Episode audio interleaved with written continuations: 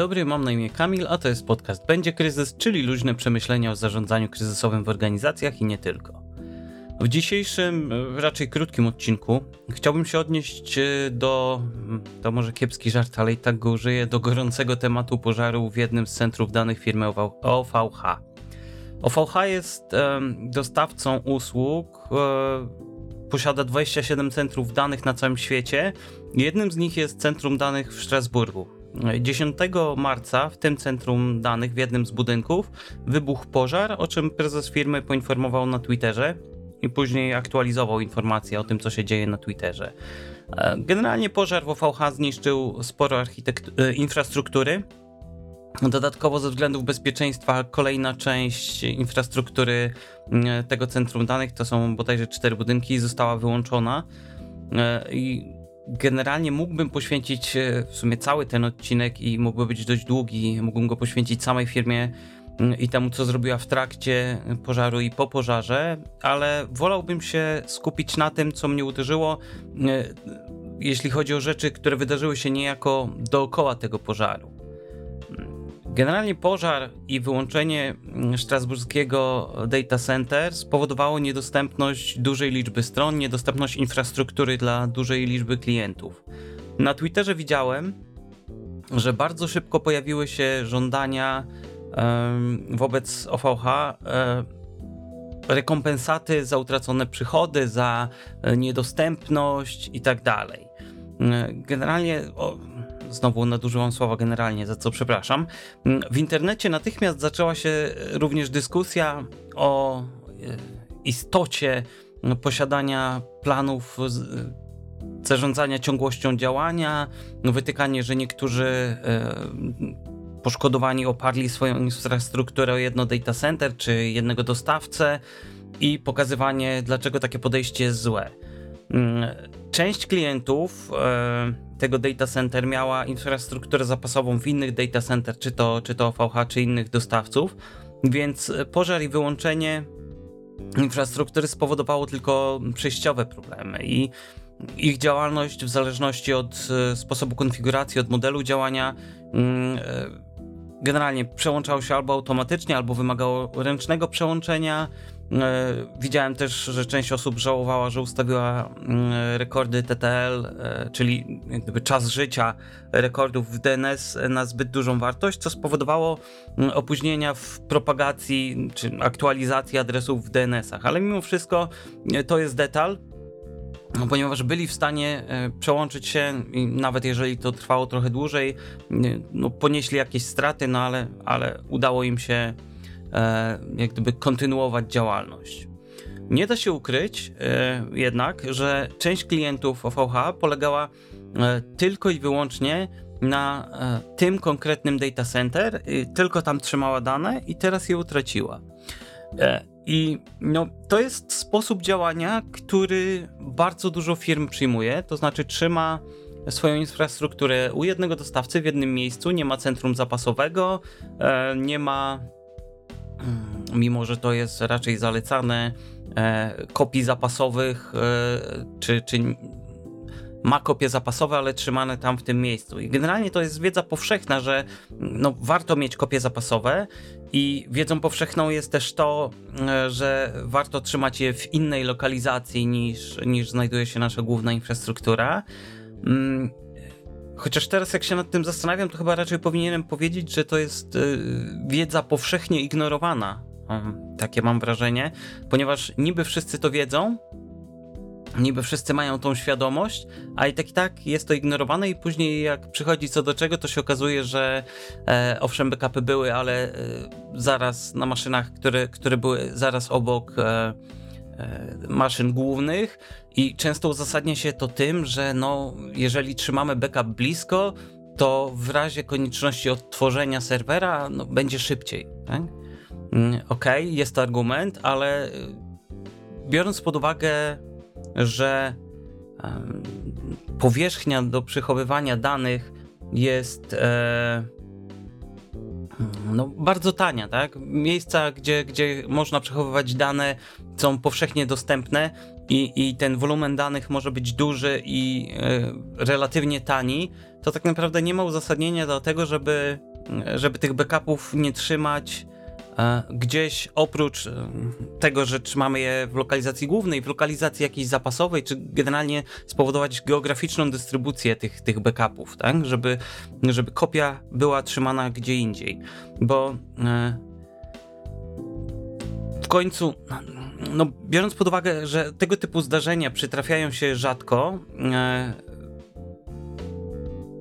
to mm, no jeżeli przytrafiałyby się często, no to raczej inne podejście byłoby do trzymania kopii zapasowych, mm, właśnie jeśli chodzi o dystrybucję ge geograficzną, no ale nawet jeżeli tego typu rzeczy przytrafiają się rzadko, mm, typu ten pożar, to skutki tych zdarzeń e, mają kolosalne znaczenie dla, dla organizacji, dla firm czy, czy dla osób. I e, biorąc pod uwagę to, że utrata wszystkich danych, a żyjemy w erze informacji, e, to może być utrata zdolności do, do kontynuowania swojej działalności, czy nawet do odbudowy swojej działalności. I tutaj mm, wchodzi do gry zarządzanie kryzysowe i ono zajmuje się między innymi e, zdarzeniami, e, których prawdopodobieństwo jest bardzo małe, ale których skutki mogą być katastrofalne. Generalnie przeprowadzając analizę ryzyka, widząc tego typu, e, tego typu zagrożenia, czy, czy myśląc o tego typu zagrożeniach czy ryzykach, bardzo często podejście jest na zasadzie, że jest to na tyle mało prawdopodobne zdarzenie, że e, akceptujemy takie ryzyko. No, jak widać, można takie ryzyko zaakceptować, ale mimo wszystko pewne działania, jeśli chodzi o mitygację tego ryzyka, czy, czy właśnie uniknięcie skutków tego wystąpienia tego ryzyka, warto podjąć. I tutaj, mm, no, tą minimalną, kluczową rzeczą, którą można było zrobić, to zrobienie backupów gdzieś na zewnątrz. Tak? Ale wracając do, do, do, tego zdarzenia. No niektórzy klienci e, nie mieli planów ciągłości działania uwzględniających zniknięcia całej infrastruktury, co spowodowało, że nie mieli infrastruktury zapasowej i e, co mogli, co, co mogli mieć? No, mogli mieć, czy wręcz powinni mieć, moim zdaniem, e, plan zakładający konieczność odbudowy infrastruktury. Tak? I to by pokazało, że kluczowe dla odbudowy e, infrastruktury, no niezbędny element, e, żeby odbudować infrastrukturę, to dane, tak? czyli de facto kopie zapasowe. Generalnie sprzęt da się odkupić, czy wynająć w innym miejscu, w innym data center u innego dostawcy, ale dane, które są utracone, jest bardzo ciężko odtworzyć może się okazać, że jest niemożliwe odtworzenie e, części danych. Na przykład zakładając, że trzymaliśmy w tym data center wszystkie dane odnośnie naszych klientów, e, transakcji, które zrobili i tak dalej, i te dane zniknęły, no to w tym momencie może się okazać, że no bardzo mi przykro, ale te dane są już nie do odtworzenia. Tak? Pomijam fakt, że e, może być niemożliwe nawiązanie kontaktu z klientami, choćby po to, żeby ich odpytać: Słuchaj, drogi kliencie, a, a jakie zakupy ty u mnie poczyniłeś? Albo jakie usługi ty u mnie miałeś? Tak? Znaczy, jeśli chodzi o usługi, to może być o tyle łatwiej, że klient się upomni i powie: OK, drogi dostawco, na Twojej infrastrukturze miałem takie i takie usługi. Tak? Ale jeśli chodzi o historię zamówień, historię kontaktów i tak dalej, to te dane generalnie są nie do odtworzenia. E, także no, to jest coś, na co chciałem zwrócić uwagę, że te zdarzenia, które są bardzo mało prawdopodobne, ale za to mogą mieć katastrofalne skutki, tak czy owak powinny być uwzględnione, jeśli chodzi o plany zarządzania kryzysowego, może niekoniecznie plany zarządzania ciągłością działania, ale przy analizie ryzyka no, takie rzeczy trzeba uwzględnić i trzeba spojrzeć na to, bo jeżeli coś jest mało prawdopodobne, ale skutki ma katastrofalne, a relatywnie niewielkim kosztem, e, co, co w przypadku robienia backupów e, w, w dystrybucji geograficznej, tak to nazwijmy, e, jest, jest prawdą, że, że te backupy nie kosztują zbyt dużo, to można by mm, potencjalnych bardzo ciężkich skutków tego zdarzenia uniknąć. Tak?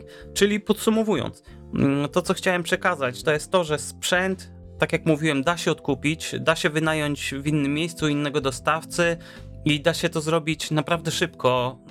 Widzę na przykład zamówienie mm, serwera w konkretnym data center e, dostawcy, z którego ja korzystam, czyli firmy Hetzner, e, to jest kwestia minut.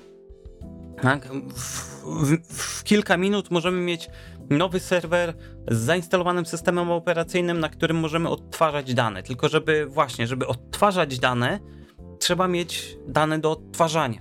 To, to o, rzecz oczywista, wydaje się oczywista, ale jak widać, e, oczywista dla niektórych nie była, bo trzymali kopie zapasowe w tym samym miejscu, gdzie, gdzie trzymali e, jak gdyby główne repozytorium swoich danych, no i te dane e, utracili. Dlatego, jako taki kluczowy wniosek mm, z tego odcinka, chciałbym, żebyście zapamiętali: po pierwsze, e, małe prawdopodobieństwo, ale katastrofalne skutki oznacza, że takim ryzykiem trzeba się zainteresować i trzeba się nim zaopiekować. Być może uwzględnić to w planie zarządzania kryzysowego.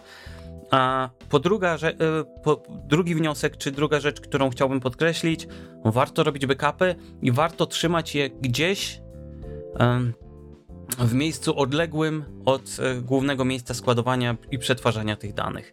I z tymi dwiema myślami Was zostawiam. Dziękuję za uwagę, za wysłuchanie dzisiejszego odcinka i do usłyszenia.